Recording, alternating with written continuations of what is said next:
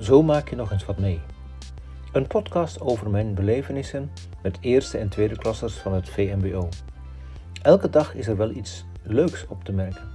Leerlingen zijn nooit saai. Ze zijn heerlijk spontaan en vaak verrassend creatief en open van geest. Ik geniet daar iedere dag opnieuw van. Vele ervaringen heb ik opgeschreven om nooit meer te vergeten. Zo blijven herinneringen actueel en leerlingen aanwezig in mijn geheugen.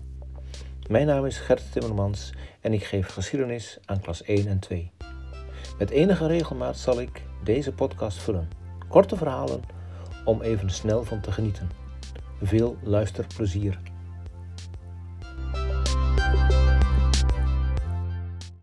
Ouderwets. Eigenlijk is het elke dag genieten.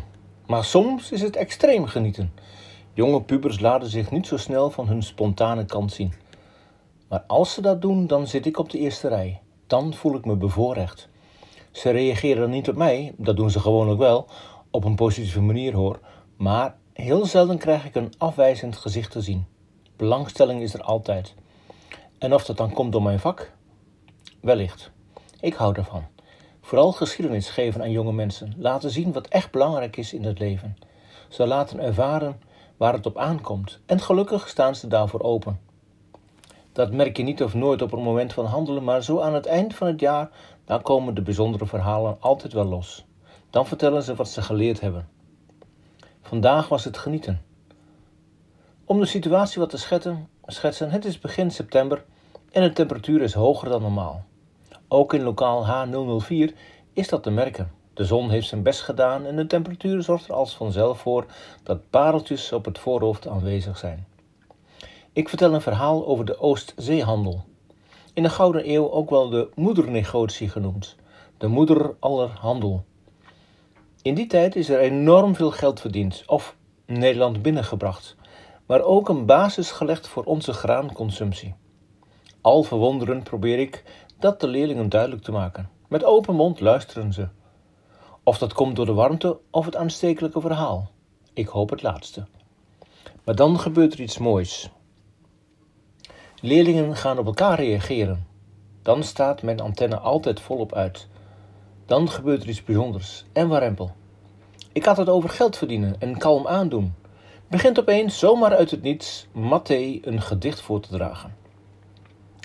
Ik heb wel een keer moeten vragen of hij dat nog een keer wilde herhalen.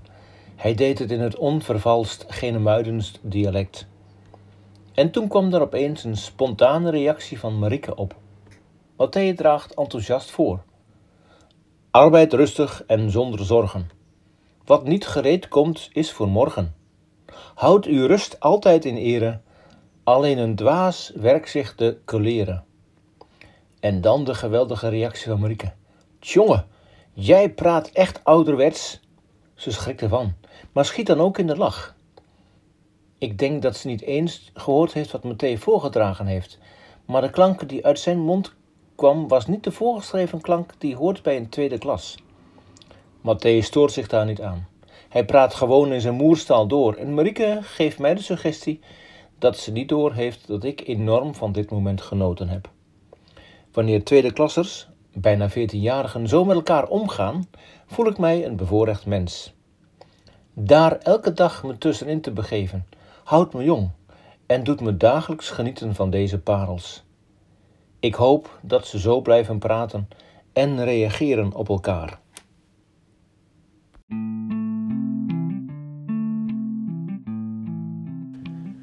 Dit was een verhaal uit de podcastserie Zo maak je nog eens wat mee.